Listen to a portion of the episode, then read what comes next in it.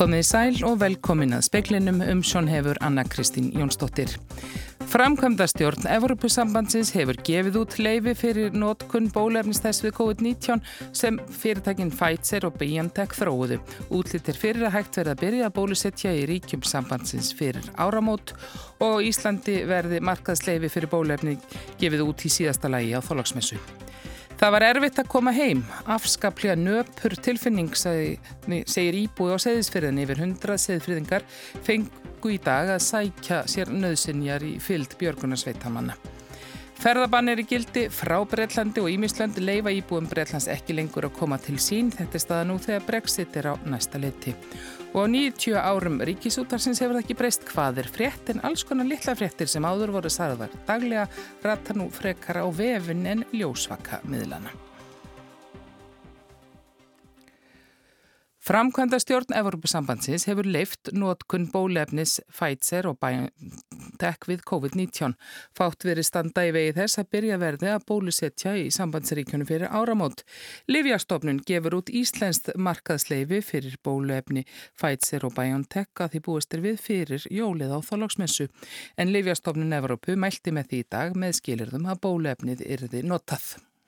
Livjastofnunin EMA tilkynnti á dögunum að ákvörðun um bráðabriðarlefi fyrir bóluefninu yrði tekin í síðasta lagi 29. desember. Mjög var þrýst á stofnunin að hraða ákvörðuninni þar sem leifi hefur þegar verið gefið út fyrir lifinu í Breitlandi, Bandaríkjónum og víðar. Marí Agnes Hæne, yfirmaður samskiptasviðs EMA tilkynnti loks í beitni útsendingu frá höfðustöðum stofnunarinnar í Amsterdam í dag að ákvörðunin lagi fyrir og að hún markaði tímamóti baráttunni gegn COVID-19 í Evrópu. Today our Human Medicines Committee, the CHMP, recommended a conditional marketing authorization for the first COVID-19 vaccine for the EU market.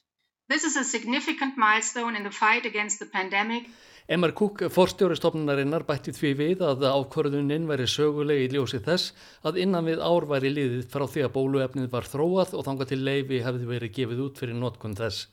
Hún bætti því við að svo virtist sem bóluefni Pfizer og BioNTech virkaði gegn hinnu nýja afbríði koronavirunar sem herjað hefur á breyta öðrum fremur að undanförnu og talið er smitast mun hraðar en önnur þekkt afbríði verunar.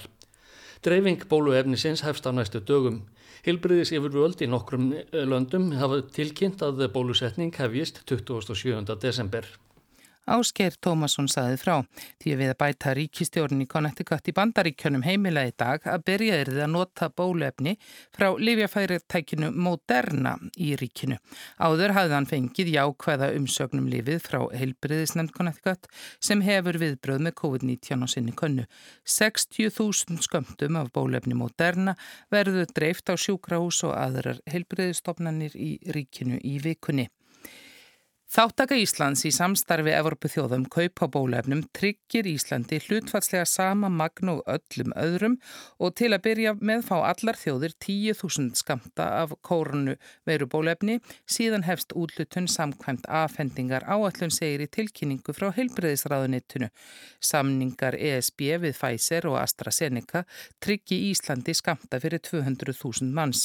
Þá sé stemta því að Ísland undirriti samninga um kaup á bólefni Jansens manns fyrir 117.000 manns á þólagsmessu en skamtarnir berast ekki fyrir næsta haust. Á gamlarstag er aðgjert að undirrita samning við Moderna. Ekki líkur fyrir hvað samið verður um marga skamta við þá aðfendingu efni frá Moderna og að hefjast á fyrsta ásfjörðangi næsta árs. Yfir hundrað seðfyrðingar fengu í dag að fara heim til sín í fyllt björgunasveitarmanna til að sækja sér nöðsenjar. Uh, Leif fjármunni, jólapakka og föt. Það er mikið af fólki sem ætla bara að fara söður, alveg saman hvort það verður opnað inn á svæðið ekki og, og þetta hefur svona verið verkefni dagsins að fylgja fólki inn á hættusvæðið og út af því aftur, telja þinn út. Segir Sveitn Óskarsson, björgunarsveitamæður í björgunarsveitinni Ísólfi. Sigur Jón Þórir Guðmundsson var eitt þeirra sem fór heim til sín í dag en sinir hans voru búin að vera í litlu jólafötunum frá því á förstu dag. Ég fæ bara gæsa húð það er ekkert konar að bara afskaplega kvöldtilfinning og, og erfitt. Það þurfa að fara svona inn og út? Já, koma heim, svona komfortzónið. Man bara er bara í lausuloftu og veit ekkert. Austin Tómasson og Dæja Óþarsson sögðu fjärstæðu kent að koma heim og sjá bæin í þessu ástandi. Þau vissi ekki hvort flætt hefðin í húsið þeirra en ætluði að kanna ástandið og sækja nokkra spjarir. Austin had a thought on Friday, it was like, did I turn the stove off? But, you know, and then we're going to go back. And, Still standing. yeah, so. we don't know. I think it's off. Yeah, we but it'd be just- nice to get some clothes, yeah, whatnot. But just happy no one got hurt as well. yeah. So Allt í hennu kvarlaði Austin að hann hefði glimt opninum í gangi en húsið stendur enn og þau eru þakklátt fyrir að ekki eruðu slis á fólki. Hvernig er að koma, hvernig er að koma hér? Það er alltaf skríti. Það er það. Og þú veist að fá ekki að vera, þú veist að koma bara og þurfa að fara aftur. Og vita ekki hvort við fáum að vera hérna við jólina eða ekki, sko. Það, það er skríti. Segir Stefania Stefánsdóttir annar íbúi í bænum. Hólfríður Dagni Fríðjónsdóttir talaði við íbúa. Almannavarnir eru enna meta stöðun á seyðisfyrði. Ekki hefur verið tekin ákvörðun um að aflétta rýmingu að sinni en fundur hófst núna klukkan 6. Það verður líklega einhver byð á því að þeir hátt í 300 íbúar sem eiga hús á rýmingasvæðinu fá að fara heim og einhverjir eiga þetta til einskist að hverfa. Arnildur Haldánadóttir tók saman. Utan ríkis ráðunettið ráðleggur ferðalöngum að forðast að fljúa með millilendingu í Breitlandi. Mörg Evrópuríki hafa bannað fólki að koma þaðan vegna nýs afbreyðis kórnveirunar sem greinst hefur þar í landi og talið smittast hraðar en önnur. Í íslenskum ríkisborgurum og íbúum er þó ávalt heimilt að koma til Íslands en gera má ráð fyrir að aðgerðan hafi í förmið sér viðtækka raskanir á samgöngum segir í tilkynningu frá utanríkis þjónustunni. Þá var stjórnvöld í Svíþjóð tilkynnt að þau hafi lokað á heimsóknir frá nágrannaríkinu Danmörku vegna hins nýja afbreyðis kórunverunar. Ferðabannið gengur í gildi á miðnætti. En þau ríki sem hafa lokað á flug frá Breitlandi eiga það flest sameinlegt að vera ekki með skimun á landamærum, segir landlæknir. Það hefur breyðst út mjög hratt í Breitlandi, sérstaklega hérna suðaustur hlutanum og bara orðið ráðandi þar og á skammum tíma og breytarnir hafa svona áætlað að það smitist líka hraðar. Eitt tilvik hefur greinst á landamærum hér en það virðist ekki hafa náða að dreifa sér. Nýja afbríðið er með óvenju margar stökkbreytingar á gattaprótennu svo kallaða sem eru utan á veirunni. Alma segir að það séu þó ekki vísbendingar um að fólk veði veikara af nýja afbríðinu eða að bóluefni virki ekki á það. En auðvitað er alltaf áhyggjöfni, það er ennþá óvisa um þetta afbreyði þannig að þess vegna er, eru mörgur ríki að bregðast svona við og, og loka fyrir flug frá Breitlandi allavega tímabundið en það er einhverjum lönd þar sem ekki er skimað á landamærum. Með tvöfaldri skimun eins og hér er beitt sé hættan lámörkuð og auðvitað sé aðferðin ekki óeikjandi. Þá eftir að rannsaka afbríði betur og ennbættið fylgist vel með þróuninni. Arnildur Haldunadóttir tók saman. Fleiri Íslendingar ætla að setja upp jólatri í ár en í fyrra og tæplega 60% ætla að setja upp gerfitri þessi jólin.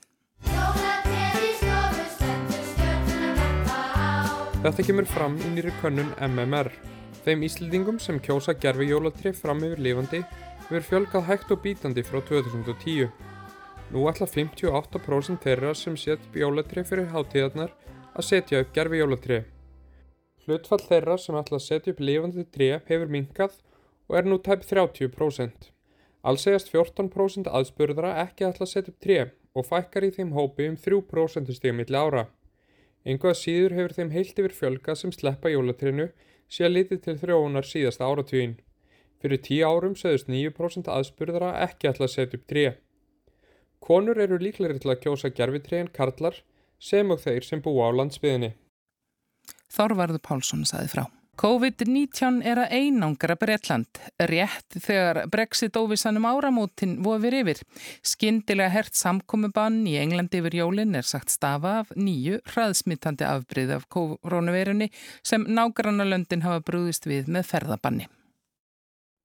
Til að breytar gæti nú haldið jól þrátt fyrir veirufaraldurinn ákveðu yfirvöld landslutana fjögura, Englands, Skotlands, Wales og Norðurírlands Snemma í vetur að samræma samkomi og ferðarreglur yfir jólinn, fimm ferðardagar frá 23. til 28. desember. Þetta átti að einfalda fólki að skipuleggja jólinn, sem hjá mörgum breytum einkennast af ferðalögum millir landsluta. Það heyrðust reyndar áhyggjurattir, það væri óviturlegt að beina öllum ferðalögum á svo fáa daga. Veiru tilfellum í Breitlandi hefur snar fjölkað undanfarið í þetta skipt engum í London sem var nokkurt veginn lokað fyrir um viku en já, jólinn áttu að vera undan þegin. Í fyrirspurnan tíma fórsætsráð þeirra í Breskaþinginu á miðgudaginn þeim síðasta fyrir jól myndi Kýr Starmer, leðtói verkefnarflokksins, fórsætsráð þeirra á hans fyrri mistök að mati Starmers.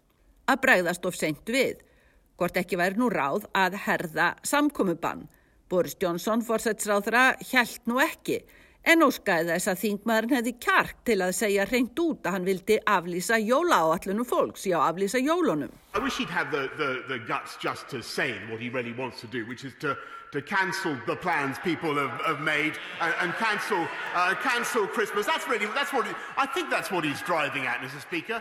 Á lögadaginn var þurfti Johnson þó að gera yfir þetta, aflýsa jólunum fyrir meirulhutta breyta og bæta fjörða og harðasta stíi við þryggjastiga kerfið, mikil takmörkun á ferðum sem gætu aðeins verið á jóladag og engar ferð til útlanda nema vegna vinnu.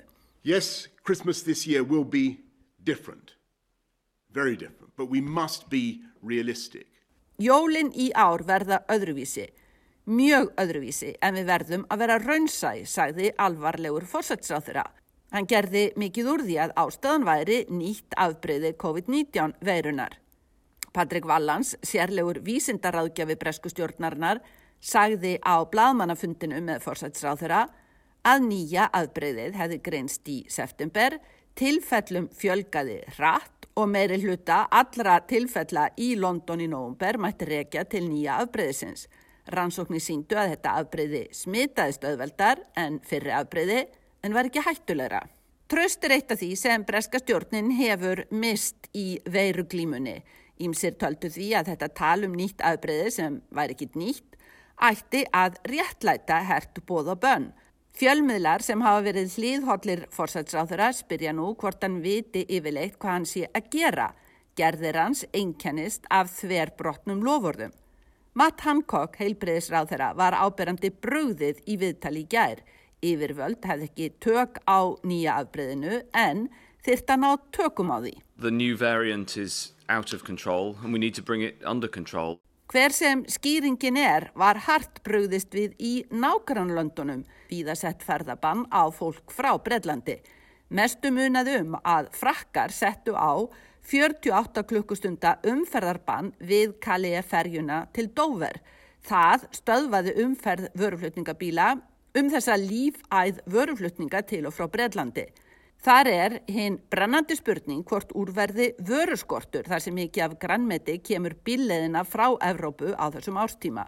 Nokkura dagar lókun er ekki talin hafa áhrif, búðir eru vel byrgar rétt fyrir jólinn. Rendar óvenju byrgar því bæði veirufaraldurinn og væntali útganga breyta úr Evrópusambandinu um áramótin hafa ítt undir forðasöfnun. Allt í lagi ef fólk hamstar ekki. En í dag heyrði tíðundamaður speilsins þó af byðröðum við kjörbúðir í London. Í dag var fundað í Brussel um samhæfð viðbröð Evropasambandsins við aðstæðum í Breitlandi. Frakkar higgjast endurskoða bannið í ljósi ákvarðana þar. Einn möguleikin er að leifa vöruflutninga en krefjast skimunarvottors af vörubílstjórun sem koma um Calais frá Dover.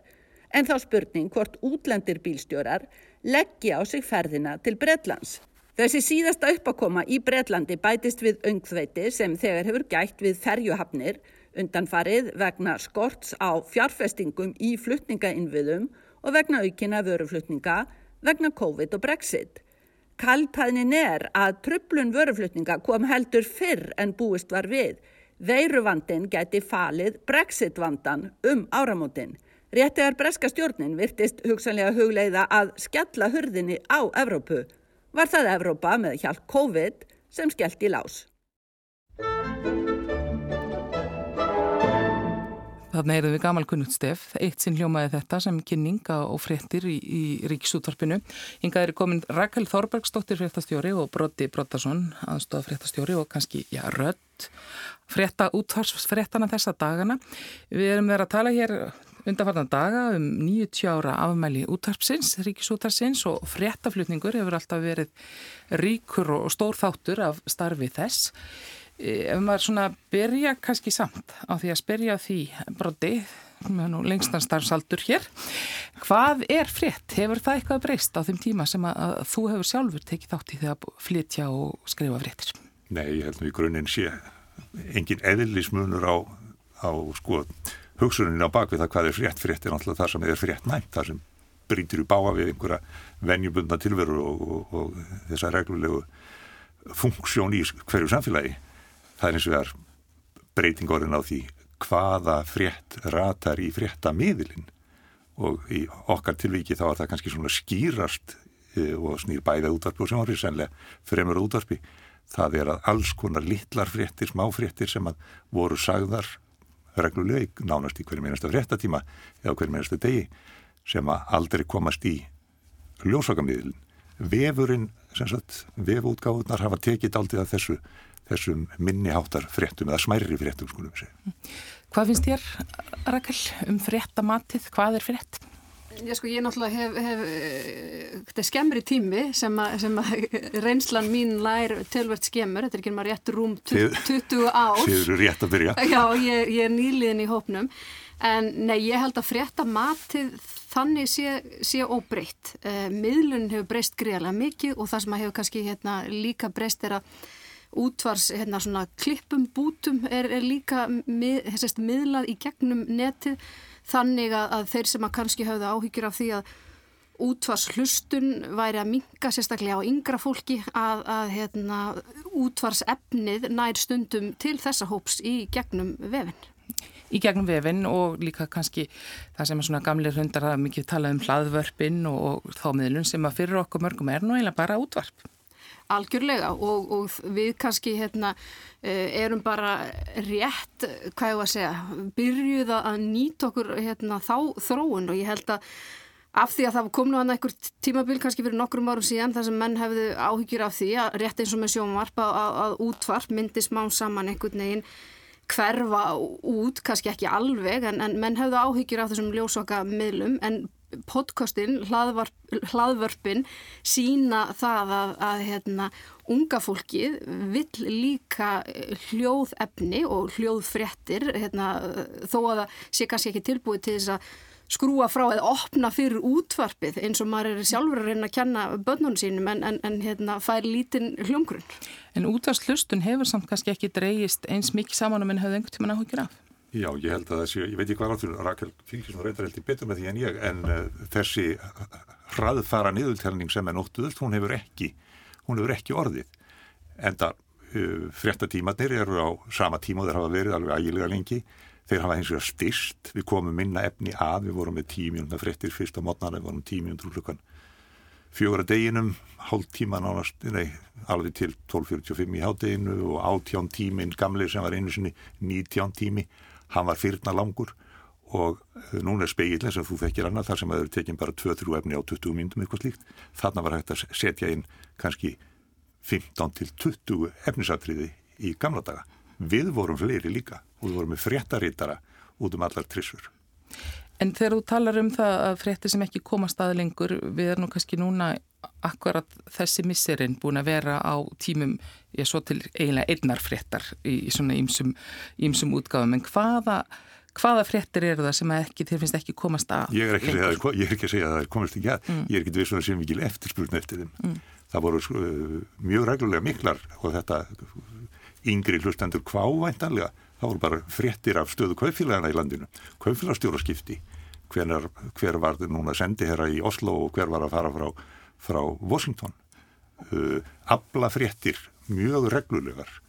Að maður tala um sér dagskráliði sem voru sko skipa fréttir bara hvaða, hver var að koma frá kúksafinn en uh, annað einkenni bæði í sérstaklega lísumvarfi það er orðnar hlemmaðir orðnir lengri, það verður að leggja meira efni í einstakar fréttir og þær taka meira blás, ergo verða þær, verða þær færri.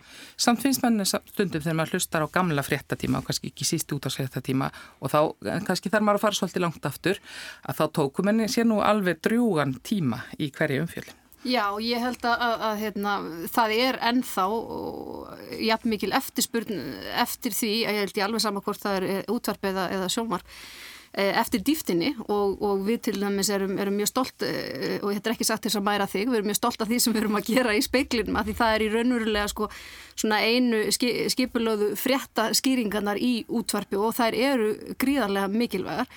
En, en varðandi aðeins svona hvernig hérna, hlustuninn og, og, og það hefur allt þróast því hún hefur haldist eh, til til að óbreytt og þetta virðist vera einhver svona hérna, fastur kjarni svo, svo, og það er kannski minni sveplur í útvarslustur heldur en í sjónvashlusturinni hérna, en við erum, það er kannski eh, alltaf minna það, við erum líka með sko sólarhings þjónustu, við erum með útvarstíma allan sólarhingin og ef ég eh, mann hlutina rétt þá er þetta held ég hátt í einhverju 600 klukkutímar á ári sem við sendum úti í, útvarpi sem að, sem að er ansi góð og mikil hérna, þjónusta.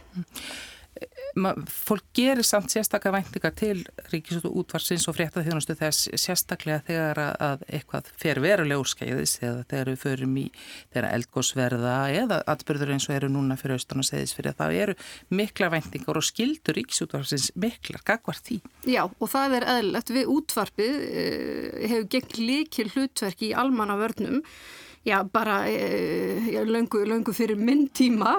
Þó, hérna, með nú kannski, við kannski þessi síðustu 20 ára sem ég hef verið hér að þá svona e, var maður strax alin uppi, uppi í, í, í því að þegar eitthvað kemur upp þá er útvarpið sámiðil sem að í, í rauninni getur brúðist hvað hraðast við og, og við erum rjúfum útsendingar á hefbundi dagskrá þegar eitthvað kemur upp á og það er gríðarlega mikilvægt hérna tæki og það er líka þannig og við, það sjáum við reyndar á hlustunina þegar eitthvað kemur upp á að þá fer fólk hérna að viðtækjónum og, og, og opna fyrir útvarpið. Bróti, þú hefur nú farið í gegnum tó nokkra svona já, útsendingar. Mar, margar svona, margar svona sennur og sumar æði langar, það, það komið fyrir sem sagt þegar stóru Suðurlandskjallarnir genguð þess að setni kannski að næturlega með talningum ósköpun vestur á Flateri eða í, í Súðavík þar sem að voru var náttúrulega sko samfelt dagskrá lengi, lengi, lengi uh, og þetta er eitt af þessum miklu hlutverkum sem við eigum að gegna og, og leggjum okkur fram um að gegna. Það er eins og er svolítið núna nákvæmlega þessu COVID-ástandi.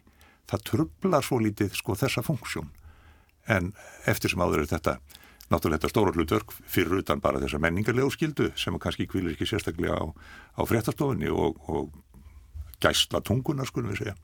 Það er annar reynda bara sem við langar að nefna fyrir sko hlustendur af því við, það er ekki þannig fréttir eða fréttamat. Það er uh, þessi samíningar þáttur sem að hefur verið held í písna ríkur í samfélaginu um að útvartið er það sem allir eiga og allir geta leita til og ég þekkja bara á eigin skinni og ég var að nefna þetta við því áðan annað og þú þekkir þetta líka.